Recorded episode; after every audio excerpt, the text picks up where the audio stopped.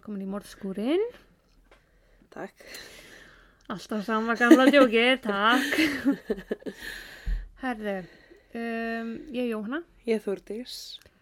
og höfum við eitthvað að segja? Nei. Í viðbútt við það sem við tölum um í hinu þættinum. Nei.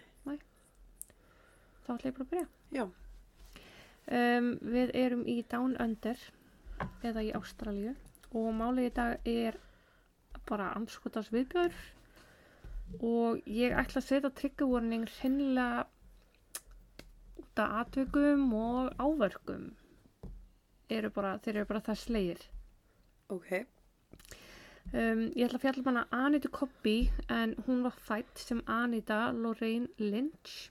Coppi eftirnafnið kom síðar þegar hún gifti sig en Anita var fætt þann 2. november árið 1959 í Sydney í Ástralíu og var dóttið þeirra Gary og Grace eða eins og hún var kölluð Peggy Pétur kallaði mjón Anita átti svo yngri sýstur hana Catherine og ólust þær upp hjá fóröldur sínum í bæ fyrir utan Sydney sem heitir Blacktown þetta er sem sagt bara útkverfi Ok. það er sem sagt fyllt á útkverfum og það er bara bæir Ok.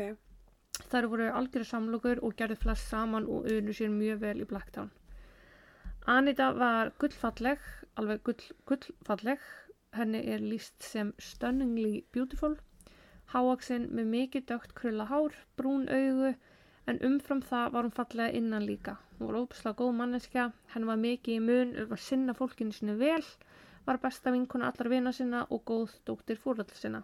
Hún mátti aldrei neitt aumt sjá og þóttist aldrei vera neitt betri en næsti maður. Hún kom fram við alla sem jafninga sína. Þannig að þó sem hún hafi verið þetta falleg og vissi það og allir voru mjög duglegir að láta hann að vita af því að þá var hann samt ekkert góð með sig. Nei, ok. Þetta er þetta klassíska lístu upp öll herbyggi sem hann lappaði gullfallet brós og Anita var líka fyrir með litlu sýstu sinnar. Við erum að fjalla um úrlings og fullanis Anitu. Úrlings Anita var eins og sjálfsagt hver annar úrlingur á nýjönda áratugnum hárið túperað, öll 80s tónlistin og umhugað um tískuna sem var á þeim tíma sem voru uppháar, buksur og skrutaði bólir. Sem er í raun tískan 2001. Já, Líka. grínlaust. Henni fannst ekkert skemmtilegra en að vesla og eitti bæði miklum tíma og peningum í það á, áhuga mál. Hún vakti aðtikli flestra vegna hversu falleg hún var og var í gríð og erg kvött til að stopna til einhvers konar fyrirstættu vinnuferils af bæði vinum og vandamönnum. Á þessum tíma og svo sem líka dæn í dag voru fegurðarsamkeppnir mjög vinsalar og ákvað Anita að skrá sig í eina slíka. Einn fegurðarsamkeppni var, varð að heilum helling af fegurðarsamkeppnum og hún hrúaði að sér titlum og verðlunum.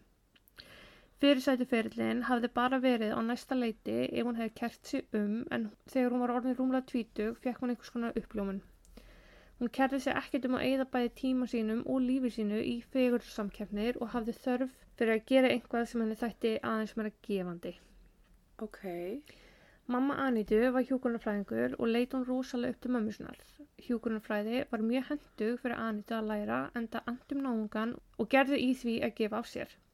Hún slóð því til og skráði sig í hjúkurnanám og byrjaði að vinna samlega náminu á Sydney Hospital eða bara spítalunum í Sydney. Já. Í náminu gekk henni mjög vel og hún var mjög vel liðan á vinnustanum. Eins og í persónulega lífinu sínu kynntist hún fólki hratt og öruglega innan vinnustadarins og var fljótt komin með marga góðu vini innan spítalans. Dag nokkun í vinnunni árið 1980 var Anita ganga um ganga spítalans þegar hún rakst á mann sem hún gaf sitt á talvið. Sá var John Coppi. John var myndalur, hjúgrunfræðinemi eins og Anita sjálf og þremur árum eldur en hún. Anitu leist vel á þannig sæta hjúgrunfræðinema og byrjaði að spjalla við hann, gjörsamlega grunlaus um að John hefði raunverulega verið búin að fylgjast með henni í lengri tíma. Lungu búin að taka eftir þessari gullfallegu stelpu á gungu spítalans, þetta fallega brós og mikla dökkakrulla hár fór sko ekki fram hjá honum. Þetta hljóma mjög creepy en það er það alls ekki. hann hafði meira segja slúta sambandinu sínu við kærustu sem hann átti á þessum tíma því hann fann að hann væri að verða eitthvað skotin í andu. Ok. Það bætti ekki úr, þetta, þetta er creepy, en þetta er alls ekki creepy.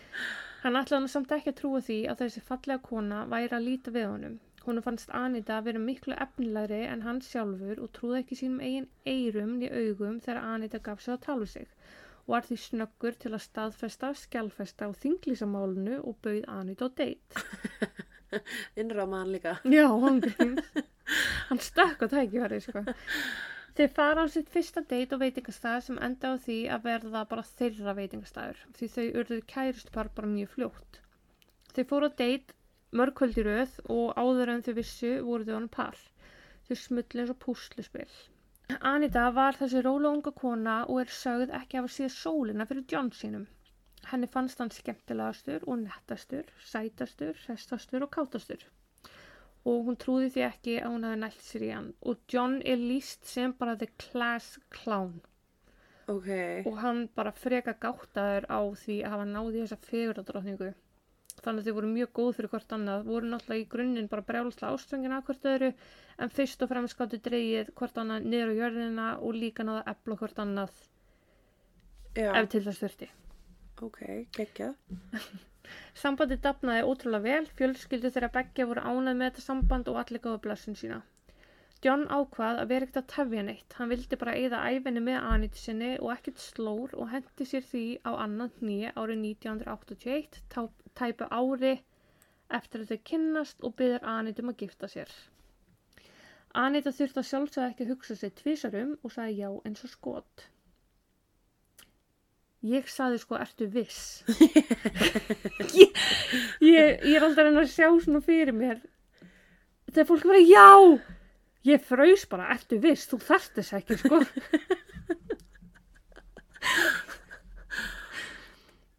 En allir í kringu þau samglundist þeim og farið var í að plana brúðkaup. Ekki dafnaði gleðin þegar Anita kom svo að því að hún var ófrísk að þeirra fyrsta badni. John var að springa, svo spenntu var hann fyrir frumburðið hans og konans og voru nánustu ættingum strax sagt frá. Þetta var bara til að fullkomna það sem að Anita og John áttu fyrir og allir samglöndist þeim og voru spenntir. Gleðin og spennan stoppaði því miður stutt því að Anita mis misti fóstrið þegar hún var genginu rétt rúma nýju vikur að leið. Hjónin voru eðalögð yfir þessu en ákveða að líta fram á veginn og hlakka til að eignast fjölskyldu síðan mér. Hugafarið var þarna bara ok, því fyrir sem fer. Þú veist, ef þetta gerist, þá gerist það, ef ekki, þá bara ok. Já, já, kemur bara næst. Já. 27. mars 1982 var svo slegið til heljarinnar brúðkupsveislu þar sem að Anitu er líst sem fallegustu brúður sem einhver hafði nokkuð tímann séð. Sistir Johns sagði reyndar að hún hefði geta verið klætt í svartan ruslapóka þess vegna og látið það líta vel út.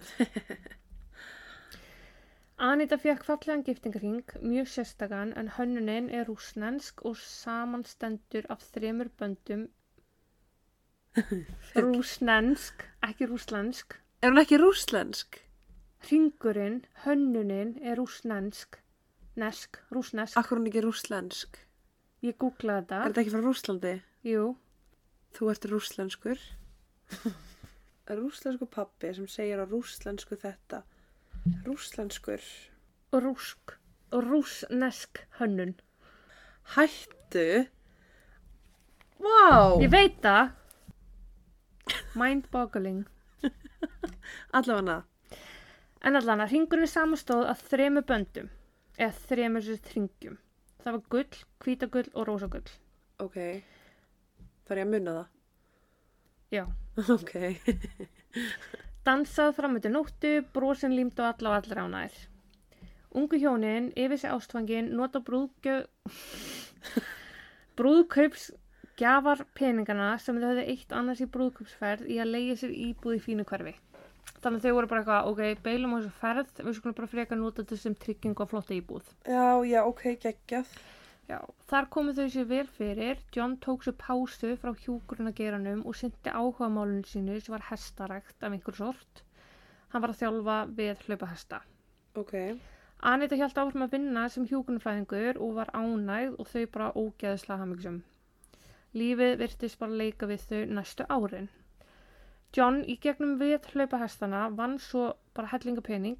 Hver upphæði nákvæmlega var veit ég ekki en hún var í það minnsta næg til að þau getur bæði tekið sér langt frí úr vinnu og farið að ferðast saman um heiminn. Þau hefðu fram að þessu unni mjög mikið bæði tvö og þetta var því mjög verðskuldafrí og þau hlökkuðu mikið til. Þau ferðuðust um Evropu, stukku svo til bandaríkjana og uppáhald staður þeirra begja var jú svo klísilega Róm, borg ástarinnar. Í þessari hálgerðri reysu eittu þau eiginlega bara öllum peningunum og rétt náðu að komast heim til Ástralju aftur. Einhvers stað sá ég nú að þau hefðu hreinlega þurft að bara lána um pening fyrir farmiðanum til Ástralju aftur þannig að það lítur að hafa verið mjög gamnefum og mikið notið. Hljómar er svo allar mínu ferðir. Þau komast allavega að lokum til Sydney og í ársbyrjun 1986 taka þau ákvörðun um að kannski ekki beint slíta sambandinu. Það hafði ekkert minga gleðin eða haminginu millið þeirra síðan og svo. Já, Þau fundu bara að þau væru kannski ekki alveg á sama staðinum akkurat þá stundina. Þarna er Anita 26 ára en þá bara svífandi um á bleiku skíi eftir reysuna en John örlítið eldri og var farin að huga meira því að stopna fjölskyldu. já. En já. Anita var bara að mér langar bara að ferðast meira og þú veist, börn getur tafið það. Þannig að þetta stangað sér svolítið á. Anita vildi halda áfram að jafnvel ferðast um heiminn og hennar sagn lifa lífinu aðeins lengur áður en hún myndi festa sig í einhverju einu minstri. Já. Það var ekki það að henni finnst börn bindandi kannski, eða þú veist, að myndi vera eitthvað heftandi að börn, heldur meira bara að það fylgir oft viss rútína því að eiga börnum og hún var ekki tilbúin fyrir þessu hefðbundi. Já. Akkurat. Að þau sækja ekki um skilnaða neitt slíkt heldur ákveða þau að flytja í sitt hverju lægi til fóröldisina, Anita til sinna og John til sinna, þannig að Anita var komin aftur til Blacktown þann sem hún var upprunalega og var í meira en góði yfirleiti fóröldisina. Hún naut þeirra fórreitenda þrátt fyrir að vera 26 ára gömul að mamma og pappi væri svolítið að snúast í kringur henni, Mm. sækja hann á skuttla og því um líkt, svo hún sleippi stundu við að taka almenningssamgöngur en hún notaði mikið lastakerfið sem er á milli bara útkvarfa. Já, já, ok. Annan februar 1988 fór Anita til vinnu um sjö morgunin og vann sinn venjulega vinnudag. Hún heyrði aðeins í John eins og hún var búin að vera að gera reglulega frá því að þau tók svo smá pásu. Hann bauði hún út að borða, þau hefði eitt helgina áður saman og það var svona alltaf stafni í það að þau tækja aftur saman. Já, Þetta var ekki, þetta, þau voru ekki að hætta saman. Þau voru bara svona að finna sjálf sig í smá stund á sig ykkur staðnum. já, já, Bara já. ok, við erum búin að vera saman upp á dag hérna í einhver ár. Prófum já, bara aðeins aðeins að... að stiga til hliðar. Já, Anita komst ekki með hann út að borða þetta kvöld því hún hefði planað að fara út með vinkunum sínum eftir vinnu og ætluði þær þá að borða saman kvöldmatt. Þau kvöttist því eins og venjulega og Anita kláraði vinnundaginn. Hún fór svo á samt vinkunum sínum á veitingastað í Redfern sem er bara næstu bær við Blacktown og skemmti sér konunglega. Vinkuna hennar bauðin far að lestastöð sem væri nær hennar lestastöð til að stytta lestaferðina. já, Anita þáði það og stökk út á Central Station þaðan sem hún tók svo lest til Blacktown. Fóreldrar hennar vissu að Anita ætti að ringja úr símaklefa þegar hún kæmi að endarstöð í Blacktown og láta sækja sig og byðu þau eftir því að hún myndi ringja. Þegar leið á kvöldið hafði Anita hins vegar ekki ringt og byðið um að sækja sig. Fóreldrar hennar gengu út frá því að Anita hefði jafnvel gist hjá vinkunni sinni en það átt hún að mæta til vinnu aftur um hátið spildaginn eftir og fóru því þau bara róla að sofa. já, Hún átti þetta sérst bara til að gista kannski hjá vinum sem byggur nær vinnunni ef hún var að fara að vinna sömu vaktu við komandi daginn eftir. já, já, já. 3. februar kom og Anita let ekkert vita af sér á morgunin. Fóreldrar hennar heldu áfram með dagi sinn alveg grunlaus um að þau væru að fara að fá fremur óhugnarlega fréttir. Í eftirmiðdaginn ringdi síminn, yfirmaður Anitu af spítalunum var að ringja og spyrja fyrir um Anitu, hvort að Anita var veik eða hvort hefði komið upp á. Hún hefði nefnilega ekki látið sjá sig í vinnunni þannan dag og ekki látið vita af sér sem var mjög óvinnlegt. Anita var nefnilega típan sem ringdi og let vita bara ef hún hjælt að hún yrði smásegin. Já, Þannig að láta alls ekki vita af sér var meira en úr karakter fyrir hana. já, já, já. Fóreldrar hennar höfðu raklega í samband við alla hennar vini, John, eigimann hennar og fleiri sem að þeim datt í hug að gætu mögulega vita hvar Anda var niður komin. Allt kom fyrir ekki og enginn vissi hvar Anda væri. Hún hafði hreinlega síðast sérst um nýju kvöldi áður. þegar vinkunennar kerði hana að lestastöðinni. Gary, pappi Anitu, fór því niður á Blacktown lauruglustöðina og tilkynnti dóttir sinna týnda klukkan 7 um kvöldið eða 22 tímum eftir einhvers á hann síðast. Lauruglan ákvað að vera ekkert að velta þessum tveimur tímum sem vantaði upp á 24 ramman mikið fyrir sér og gaf því strax út lýsingu á Anitu, 175 cm hæð, dökkar grönn með brún augu. Og bara að hafa augun beyond the lookout. Já, já, já. Það var svo daginn eftir eða 4. februar sem að lauruglan fekk símtal frá manni John Reen. John bjó á Bóndabæ í Prospect sem var í um 10 km fjarlæð frá Blacktown þaðan sem að Anita hafði horfið. Hann hafi tekið eftir því alla morgunin að beljurnar hans hefði staðið í stað á túni í svo litli fjarlæð frá heimilans. Honum hafi fundist þetta frekar undarlegt en látið þær eiga sig þar til hann tók eftir því einhver síðar að þær stóðu enn allar á sama stað. Og hérna ég tala um sko að hann hafi tekið eftir þessu sólring áður en ekki gert neitt í því fyrir enn þarna. Já, ok. Hann hoppaði á fjörhjóli sitt og brunaði að beljónum. Sjónin sem að beigð hans var einhvað sem hann átti aldrei eftir að gleyma. Í grasinu lá nakin kona, bersýnilega látin. Hún snýri með andliti niður í grasið en það leindi sér ekki að hún hefði gengið gegnum eitthvað hræðilegt. Pyntingar voru það fyrsta sem að John dætt í hug. John var með sín ekki bara að ung kona hefði verið myrta á landinu hans heldur líka það að á sunnundaskvöldið hefði hann heyrt öskur og óp en honum dætt ekki til hugar að einhver svona hræðilegt hefði verið í gangi. Bystander effect. Honum dætt í huga unglingar væri á ferli með einhver unglingarlæti og hugsaði því lít út í öskrin. Oh. Löruglan fór ragleis aðtjóðamálið og á sama tíma voru fóreldrar og sýstir Anitu að hittast heima í fóreldrunum til að taka stöðun á málunu. Var eitthvað að frétta eða hafa einhver síðan Anitu síðan kvöldi áður. Löruglumerninir Graham, Rosetta, Hugh Dundas og Ian Kennedy, ég nefnaði bara hérna, það er einu skipt sem ég nefnaði á, Ok. voru allir sendur á vettvang og voru þeir þrýr sem að koma til með að fara með málið.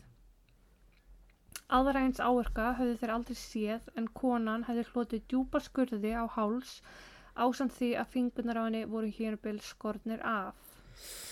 Hún hefði einnig hlotið rispulskrámur viðsverðum líkamann og það þótti ljóst að ásetningurinn og hvatin hafi verið af kynferðslegum toga.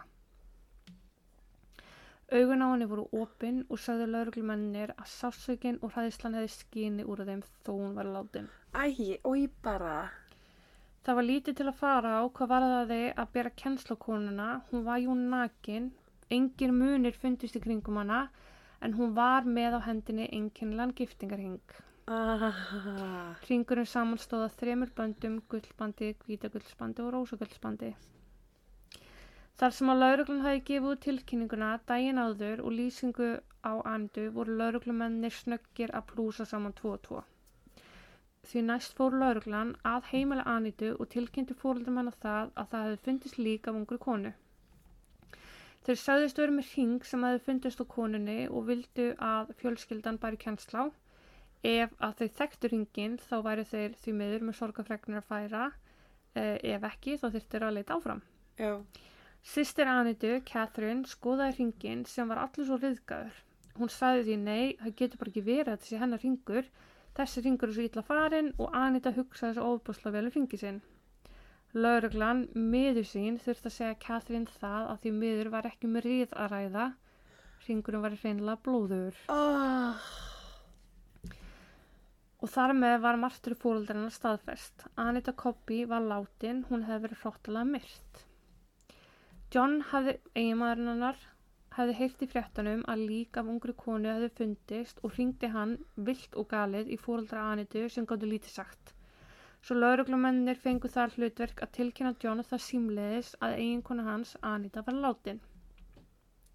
Hann kom fljótt að staðin og það tóku mótunum ansittur ungarlegt andrusloft, ekki bara það að Anita var látin, heldur gatt allt eins verið að John væri svo segi. Já. Því jú, makar eru yfirleitt þeir sem eru fyrst skoðaðir í svona málum. Emitt. Því næst þurfti John og fóröldari Anitu að fara og bera kennsla líki sjálft. Þau voru vöruð við útlita Anitu. Hún var verulega illa leikinn og áverkarnir hróttalegir. John gæti ekki fyrir sitt litla líf séð eiginkonu sína í því ásögukomalagi sem hún var í og því varð upp svolítið fótrafitt. Móður Anitu sagðist vilja byrja kjensladóttir sína, hún var í hjúkunarfræðingur og hefði séð alla flóruna af ávirkum en krupningalæknir og laurugla tóku bara fyrir það, sögðu bara nei. Þeir gáði ekki hugsa sér að leifa móður að sjá dótt- dóttur sína í þessum aðstæðum. Því tók Gerri, pappi Anitu keflið og sagðist alltaf gera þetta. Því næst var honum fyllt inn í herbyggið þar sem að dóttir hans lá að mestu hulin. Smá gat hefði verið gert á yfirbreyðslu, nóg til að sæðist í andlit Anitu. Þannig að hún var bara, það rétt sást bara í augunni og munn og það var reynd að hylja allt annað. Um, þrátt fyrir að reynd hafi verið að hylja áverkana var það gerði nokkuð ljóst að dóttir hans hefði hlotið hræðilega áverka síðustu stundi lífsins og sagði I wish I could say this wasn't my daughter but then it would mean this was someone else's daughter. Æ, ó, krúttkall. Já. Skurðirnar á hálsi Anitu voru svo djúpir að vélendað, barkin, háls, slagæð og mæna var allt í sundur. Aflegging þess er hinnlega svo að höfuðið á henni var bara nánast af. Új, Ástæðan fyrir því að þrýr fingur á Anitu voru líka svo gott sem skornir af var talið vera sjálfsvarnar áverkar.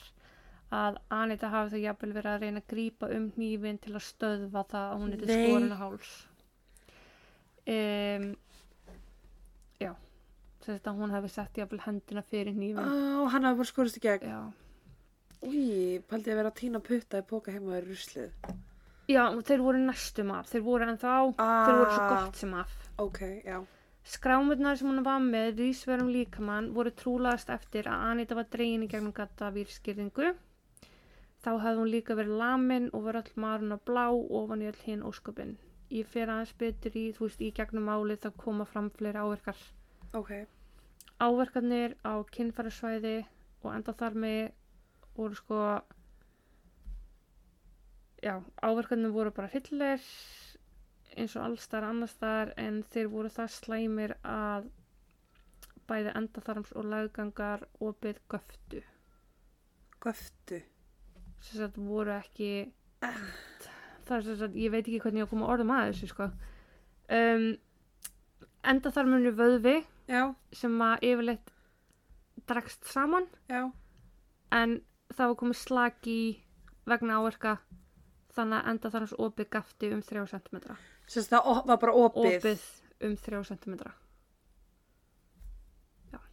Új, bara. En dánarössögin var talin vera blóðmissir vegna áverka hálsi og að hún hafi jafnvel látist bara tveimur mínum eftir að hún var skorin á háls sem er bara helviti langu tími finnst mér tvær mínútur Í, já. Rannsókn málsins var sett í sjötta gýr bara strax og líka andu fannst. Almenningur var miklu meira en reyður yfir þessum fregnum að ung kona hefði verið myrt svona hróttalega og fekk málið mikla fjölmeila aðtegli og mikil pressa á lauruglu að leysa málið hrætt og öruglega. Þarna myndast bara svona múæsingur. Já. Þú veist, lauruglun er reyð, almenningur er hrættur, um, þú veist, það eru allir einhvern veginn undir grunn. Já, það veit líka enginn hver þetta er. Þú veist, er þetta nágrannin? Nákvæmlega. Hvað hva gerðist? Akkurat. John var eini grunaði í málinu frá fyrstu stundu og hreinlega bara því það er protokoll. Að það, já. Já. Hún var ekki tilkynnt hann eitt sérstaklega, heldur fannst honum samskipti lauruglu við sjálfa sig benda til þess að lauruglan trist honum ekki. Já. Þannig að John spurði einfallega lauruglu býtu liggjandi grun fyrir morðið og eiginkonum minni eða og svarið var bara einfalt, bara já, þú ert einu grunaður í máli andu. John var ekki með neina almennilega fjárvistasönnun, hann var bara heima hjá sér þegar anda hvarf og það var enginn sem að gæta staðfesta. Það hefði verið einhvers konar orðrúmur á spítalunum að anda hefði verið jafnvel fann að slá sér upp með samstarfsmanni og það talið þó geta hafa verið ástæði fyrir John að myrða andu. Hann var tekin í ansi harða yfirheyslu, þeir voru ekkert að fara neitt pent í neinu spurningar. Þeir hinnlega ásökuðu John bara statt og stöðut um að hafa myrt anindu sem enda á því að hann hinnlega viðurkendi bara að hann hafði orðið einhvern svona bana. Hæ? hann sagði bara að það hlýtur að vera ef þeir að segja það svona oft. Bara að það hlýtur að vera ég hafi gert það og ég bara muni gert því. Hann var tuskaði til, gríti gólfið og öskraði hann og var að eigin sögn tilbúin til að láta skjóta sig í höfuðið á einu tímapunkti. Það átti þó eftir að koma fljótt í ljós að John var alls ekki svo seki. Orðarómurinn frá spítalunum var akkurat það innan tóm slúðsaga og lauruglan þurfti svo sannlega að lifa með sektakend að hafa hreinlega brotið Johnsona niður. Þannig að þeir voru bara, þú veist, hann var náttúrulega bugar af samvinskupið að hafa ekki verið með eiginkonun sinni. Já. og líður eins og þessi honum að kenna hún sé dáin. Og svo er ykkur valdamiklu lauruglumenn sem eru stappandi á honum og þú veist, böggandi hann bara, þú lítur að gert það, þú lítur að gert það. Einmitt, þú veist, maður fer bara að trúa, já, trúa því sem að fólk segir. og þeir setti hann upp ykkur scenario og bara þú drakst svona mikið áfengi og þú fóst og gerði þetta og þú bara drafst hana og þá var hann bara, eitthvað, oh my god, gæti verið bara ég hafi drukkið áfengi og ég bara man ekki eftir því að ég fór svo fullur eða, þú veist, Oh, en hann er sérst útilokaður. já, en sagt, áður en að það er útilokað þá heldur þau samt áfram að skoða allt, þú veist að sinna rannsókninni að þeir voru ekkert 100% vissir um að John væri svo seki þannig að þeir voru ekkert, já já við þurfum ekkert að gera neitt meira. Nei, þeir heldur áfram rannsókninni og það var allt fínkæmt og yfirfarið tvísvar svæðið sem að Anita finnst á til dæmis þeir labbaða í ykkur sko 600 metra langri halarófu til þess að bara yfirfara hvern, Hvern einasta einasta sentimeter á túninu. Oh, reynd var að bjóða háar upphæðir fyrir einhvers konar ábendingar eða sönnungögn sem getur leitt til handtöku gerandans Samgöngunar voru aðtöða betur, rætt var við leigubílstjóra á svæðinu hvort Anita hefði mögulega getað tekið leigubíl þetta kvöld. Aðtöða var með alla kynfyrir afbrótumenn á svæðinu. Fóreldra Anitu voru byggðin um að fara í viðtöl til að vekja enn fyrir eitthvað aðtíkla á málinu og lauruglunar bara gera allt í sínu valdi til þess að leysa málið. Um, á þessum tíma þá var útvarsmaður, krupningarskíslu Anitu er lekið af einhverjum starfsmanni já. útvarpsmaður, mjög bara, þú veist, ég veit ekki eins og svala á K100 eða eitthvað hann kemst yfir þessa krupningsskíslu og það er náttúrulega óbúslega mikil reyði í samfélaginu að ung kona hafi verið myrt Já.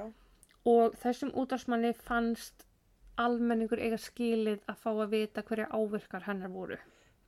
Almenningur á það ekki skilið. Nei.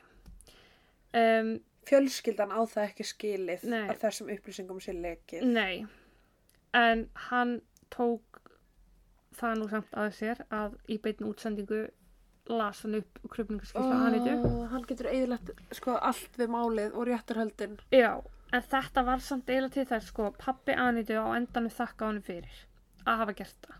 Af því að þetta vakti svo mikla aðtigli og enn frek, frekari pressu á lauruglu að sinna málunu vel. Þannig að það hafði það. Þetta skók bara alla Ástralíu en þó sérstaklega heimabæ Anitu. Þú veist, Það var allt á hliðinni.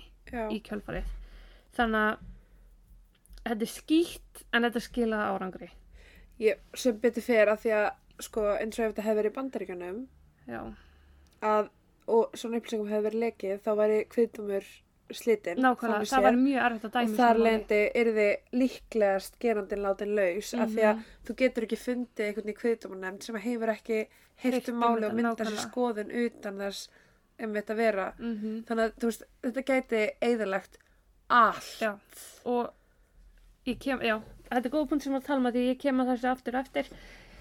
En allan að, því að það var svona óbúslega mikið pressa þá voru þið bara ok, við þurfum bara að finna einhverja leiðir til að vera svolítið sniður í þessu. Já. þannig að það var ákveðið að fá lauruglukonu til að leika eftir síðasta dag Anitu lauruglukonan var bara nauðalík Anitu í útliti og hún var fenginn til að klæðast fötum eins og Anita hefði verið í og gera alltaf sama og Anita hefði gert til að reyna að friska upp í minni fólk og það er svo óþægilegt. Já, en á sama skapu sko, þetta er svolítið sniðugt. Þetta er mjög sneiðugt sko þannig að hún er sérst að leita þeim upplýsingum hvenær nákvæmlega hefði Anita til dæmis farið í lest af því það var ekki alveg staðfest og því ekki alveg staðfest hvenar hún hefði verið komin til Blacktown eða hvenar hún fór frá Já. rettferðan sem hún var að fara. Og þegar að svona hlutir eru óstaðfestir þá er mjög erfitt að búa til einhvers konar tímalínu. Já, Þannig að lauruglukonan gekk um sumu gutur og Anita hefði gert, borðaði á sama veiningstað og Anita borðaði á og að lokum tók hún lest frá sumu lestastöð og gekk heim eins og tali var hún hefði gert. Um, fast og eftir henni voru lauruglumenn sem spurðu almenning hvort að kannast við konuna, hvort að myndi eftir Anita á lappi eða í lestinni eða á ferli um sunnudagskvöldi. Já. Talið var að Anita hefði tekið lest kl. 21.12 þetta kvöld en það kom, ljós, það kom í ljós með þessari aðferð og hún hefði tekið lest sem fór rúmum 20 myndum áður eða rétt 10 myndum fyrir nýju Ok. og 20 myndur er bara rosalega mikil skekkja í tímalínu í svona máli það er margt sem að gerast á 20 myndum Einmitt. þessar upplýsingar að þær væri réttar núna þá var lóks að bera tímalínun saman við tilkynningar til lögreglu þetta kvöld Já, líka bara fjárvista svona í fólki 20 mínútur munar helling. Já, nákvæmlega. Sagt, þeir taka tímalínuna og bera það saman við tilkynninga til lauruglu og sjá þar tilkynningu um atvik sem að lauruglumenn höfðu ekki kveikt á perunni að geti hafa verið Anita því að samkvæmt tímalínunni sem þeir höfðu þá stundina þá hefði Anita alls ekki geta verið á þeim stað þann sem að tilkynningin var að koma. Já, já, já. Skilur hvað við? Já, En núna þegar tímalínan er rétt, þá passar þá það. passar það. Já. Það var nefnilega þannig að ungu strákur ringdi laurugluna sama kvöld og Anita hvarf. Strákurinn var íbúi við götu í Blacktown. Hann var 13 ára gamall og hann ásamt sýstu sinni urði vitni af ungri dökkhærðri konu verða dregin inn í bíl öskrandi. Tveir menn hafði stökkið út í bílnum og dreigið konuna inn sparkandi og baðandi höndum í allar átti að reyna að losna úr höndum þessara manna þessi 13 ára gamli strákur 13 ára gamli strákur hafði reynt að hlaupa að bílnum því hann vildi reyna að bjarga ungu konunni. Æ, mér langar bara að taka hendin á fóröldur manns já. um, hann skipar sýstu sinni að ringi í lauruglu og tilkynna þetta og í bara á sama tíma og hún ringir keirir eldri bróðir sískinina í hlaðið. Ungu sískinin í miklum æsing segja bróður sinum hvað hafi komið fyrir og hann ríkur af stað ásand nákröna þeirra og eldir bílinn, keirir í sömu átt og bílinn nær smá forskoti. Ok. Bílinn var ljós Holden Kingswood og náði góðu forskoti á félagana sem voru nú að reyna að hafa upp á bílinnum. Þeir keirði í dágáðan tíma en höfðu auglúslega mista bílinnum. Þeir kerði upp veg sem lá við hlið túnsins þar sem Anita átti síðan meira eftir að finnast látin. Þar sáu þeir ljósan bíl, stukku út og aðtöfu með hann en hann var tómur og því fóru þeir aftur heim. Þannig að þeir bara, ok, hann er bíl, ljósbíl, við skulum bara kíkja á hann, löpuðu hringin í kringum með eitthvað vasaljós, er ekkert að frétta, fóru. Þetta var tilkynntu þetta til lauruglu og dagan eftir ringdu þeir daglega í lauruglu til að aðtöga hvort einhvað væri komið í ljós. Bara þú veist, er eitthvað að frétta fyrir konu sem við ringdum og letum vita, er hún, þú veist, Vitum hvort ég er lægi með hann og það var alltaf bara, skulum skoða þetta, skulum skoða þetta, skulum skoða þetta. En tengingin fjækst ekki við Anitu því að það var bara svo gott sem ómögulegt að hún hefði getið verið í sér götu á þessum tíma því það var gert ráð fyrir því hún hefði tekið lestina já. Eftir þetta kemur ljós fyrir ákveðir ferli í gang. Rúmri viku eftir andakvarf fekk laurugla ábendingu sem átti eftir að umturna málunu. Ábendingin sneri að þremu mönnum hér um tvítuða John Travers, 18 ára gamla Michael Murdoch og 22 ára Leslie Murphy. Allir þrýr með skrautlega sakaskrá og ekki þekkti fyrir neitt annað en sveik, ofbeldi og John Travers sérstaklega þekkti fyrir að ráðast á konum og nöðgæðum. Já, flott.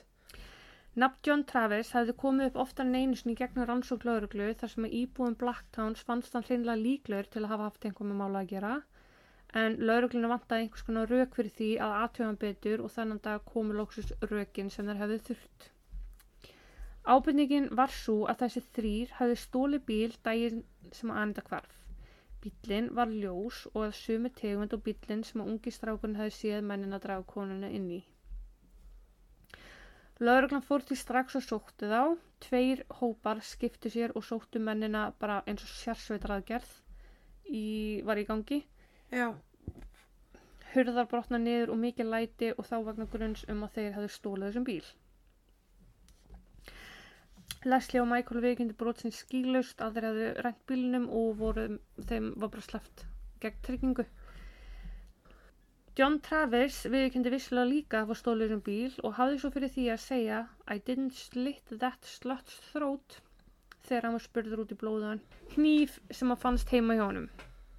Lauruglan hafði handikið þá vegna grunn sem þjófnaði bíl, ekki vegna grunn sem morð og því engin ástæði fyrir John að vera eitthvað smegrum að hann erði bendlað við morð um, nema auðvitað hann hefði haft eitthvað samvinskunni. Einmitt. Eins og ég sagði, Leslie og Michael voru sleppt gegn tryggingu en John Travis var haldið í gæslu var haldið áfram. John Travis reykti og þurfti að sjálfsögðu síkratur. Hann bað því um að ringja í konu frænda sín sem verður hérðan af kölluð Frú X.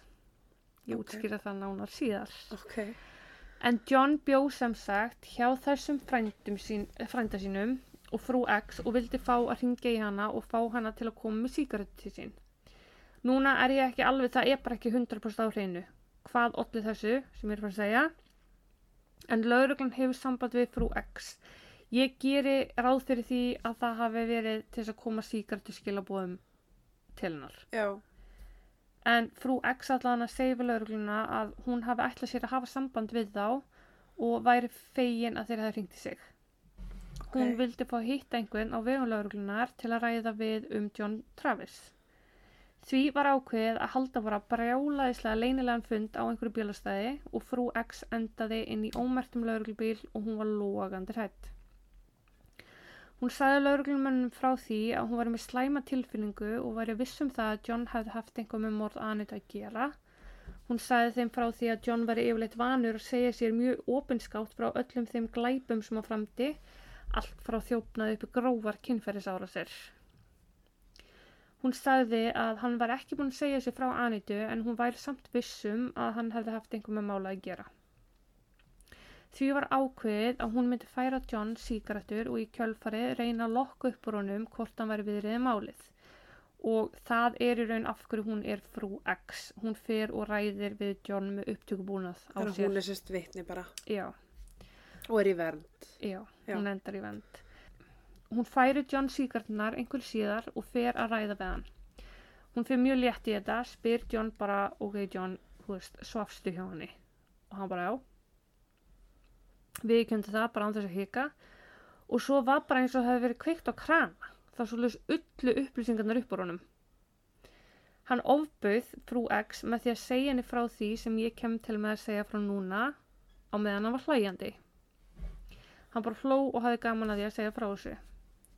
Það var þá þannig að sjálfur John, Leslie og Michael sem ég nefndi á þann á samt tveimur bræðurum Leslie, 28 ára gamla Gary og 33 ára gamla Mike höfðu allir verið á einhverju barbúlu að drekka sér blinda blekaða þegar þeim dætt í hug að stela þessum forláta bíl. Þeir höfðu farið á rúndin og á sama tíma var Anita að stíga upp í lestina til að fara til Blacktowns. Anita hefði ætlaði að ringi pappa sinn til að fá hann til að sækja sig en allir símaklefinar á lestastöðinni höfðu verið eðalæðir og því enginn aðeim virkað. Hún hefði því ákveðið að ganga heim enda vön því og ekkert svo langt verið hann að fara. Það voru bara einhverju 2 kilometrar, 20 mínútur. Já. Það fór þó ekki betur en svo að þegar hún var að ganga um Newton Road mættu henni fimm strákra bíl sem að stukku út og ætluði að reyna að ræna af henni veskinu. Hún öskraði og dró að þeim of mikla aðtikli þannig að þeir fimm félagarnir ákvaðu að bara ræna henni allri. Oh. Því næst litu þeir högginn dinja á henni og skipuði henni að fara úr fötunum. Anita grét og barðist á móti, sagði þeim að hún væri gift og hún væri á blæðingum og þeir ætti að sleppinni. Þeir heldu áfram, högginn dundu áfram á henni og kinnbein og kjálkabein nú brotin. Þeim tókst að lokum að ná henni úr fötunum og neittu hana til að veita sem munnmög. Þeir keirduðu um Blacktown á meðan hún var misnótuð. Því næst stoppuðu þeir á bensístöð, fjórar af þeim sátu ofan á Anitu á meðan eitt þeirra stal af henni seðlum og tók bensín fyrir peningin. Oh. Þeir heldur svo áfram, misnótuð og misþrymdu Anitu og hreinlega pyntu hana þar til þeir dróðan út á tónið þar sem hún síðar fannst. Þar heldur þeir áfram í tæpa tvo tími viðbútt. Þegar þeir hefðu lokið sér af fóru þeir að ræða málin.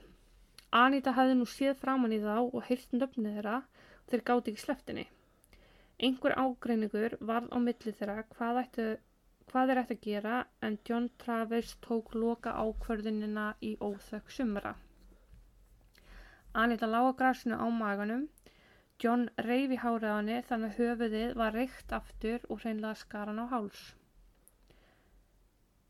Því næst fóruður aftur í bílinn, kveikt í fötunum hennar og svo allir bara heimti sín og fóru að sofa.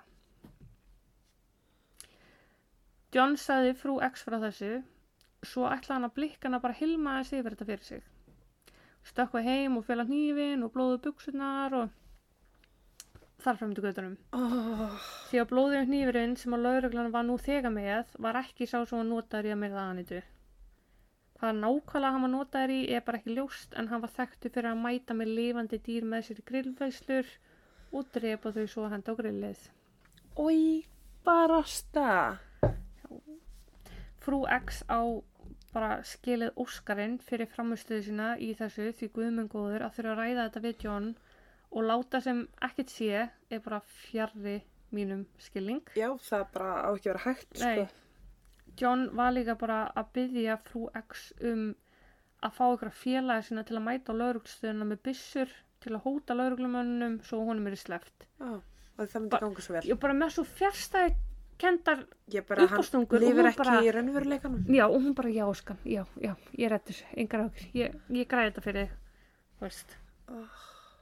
Frú X var bara svo sem að hreinlega listi málið fyrir lauruglu. Hún hafi beðið Leslie, einn af fimmenningunum, Já. um að losa sig við bílinn sem þeir, sem þeir höfðu rænt anit í og lauruglan var náttúrulega að honum Já. þannig að hann var bara gripinn glóðvolgur að losa sig við bílinn. Oh. Þannig að það var hægt að nappa þeim öllum fyrir morða á anitu að því hún var bara algjör mistari og aðstóða með allt sem það þurfti aðstóða með. Já. Og í kjölfarið fekk hún yfir sig heilan haug af líflátshótunum Oh. og var því hún og ein, hennar eiginmaður, frændi Johns og þeirra börn komið fyrir í vittnavend þar sem að nöfnunum þeirra var breytt og þeim bara komið einhvers það fyrir. Um, hún bara vittni í réttarhöldunum, svo bara horfin. Á góðan máta. Já. Frændi Johns eiginmaður frú X var bara stoltur af sinni konu og stóð með henni og voru þau sammála um að engin kona ætti að hljóta svona örlög eins og Anita hefði hlotið og sammældust um að vera ekkert að kóa og hlýfa John eins og þau höfðu verið vön fram að þessu. Já. Þarna var bara Já. fullur.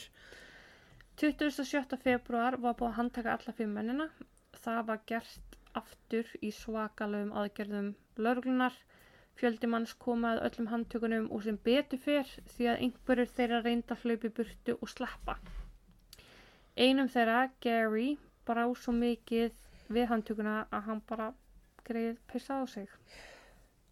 Ok, ég vorkir honum ekki neitt. Nei, en þú veist, Til hvers brá honum, sá hann þetta ekki fyrir sig? já, eða bara, þú veist, já, Eða, sko, ég bara vildi óskast að þeir skiti á sig í leiðinni, sko. Þeir voru allir ákjæðir fyrir kynferðsbrot, bara nöðgun, þjófnað og morðið á Anita, Anitu. Lauruglan yfirherði þá ótaláft, tuskuðu þá til ef þeir fengu ekki svörin sem þeir voru að leita og viðkjöndu á fúslega. Þeir fóru bara ekki lengt með það að þeir voru að lemja á því stöppu. Já. Þeir voru allir fimm látni rekja ferði sína daginn sem þeir myrtu Anitu. Þeir voru látni segja frá hverju einu og einasta sem kom fyrir þetta örlaga ríka kvöld. Almenningurinn var sko miklu meira en brjálaður yfir þessu máli almennt en þegar allir komast að því að umvarraða fimm menn á einu konu Já. þá var það allt gjörsamlega trillt. Verandi líka fimm menn í frekar litlu samfélagi, allir þekkti fyrir einhvern viðbjóð, Já.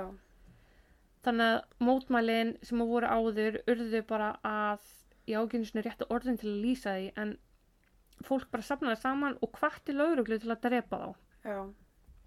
Fólk beið fyrir utan lauruglustöðuna, fangilsin og síðar við réttarhöldin og kölluðu og hrópuðu bara öllum fúlirðum yfir þá, fimminningana. Það var búið að hengja brúður í bara fullir stærð í snörur sem að hengu fram af húsunum Oh.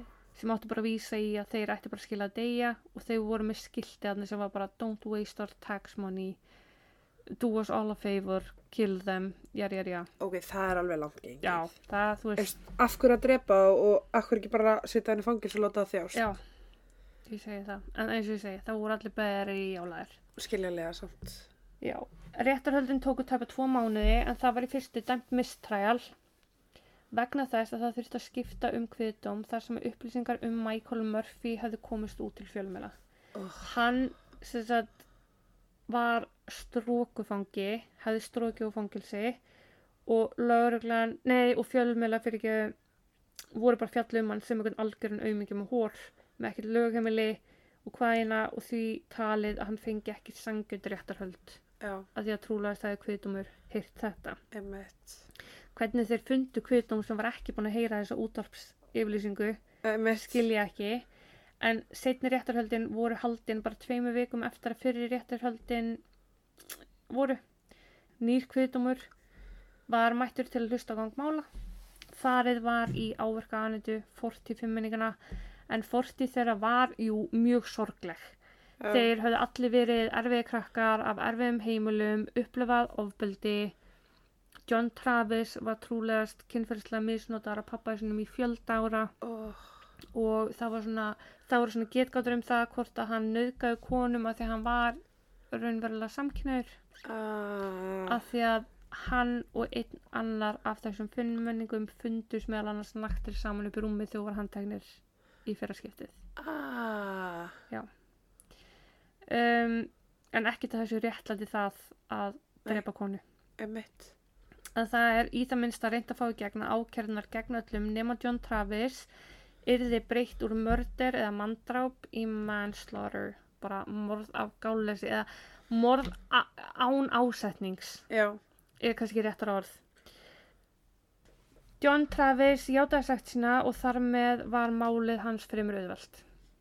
Lagfræðingarnir reyndu að nota lögreglu ofbeldi sem einhver rauk fyrir því að þeir ættu að fá vægar dóma að játning þeirra hafi verið bara barinn úr þeim. Já. Þeir lögðu fram einhver gögnum að þeir höfðu margir verið marnir og bláir með skrámur og einn af þremur ansóknulögreglumennum sagði bara frekar stoltur að þetta hlýtti hafa komið fyrir þegar hann stóð þeim þegar þú voru handteknir Oh. og hann fekk hreinlega fullan stuðning bæði kviðdóms og dómarans. Jésús. Það er samt skilur, ég skilða alveg. Ég ég skil alveg, þú veist, Police Brutality, Mhm. -hmm. það á aldrei rétt að sér. Aldrei. Alls ekki.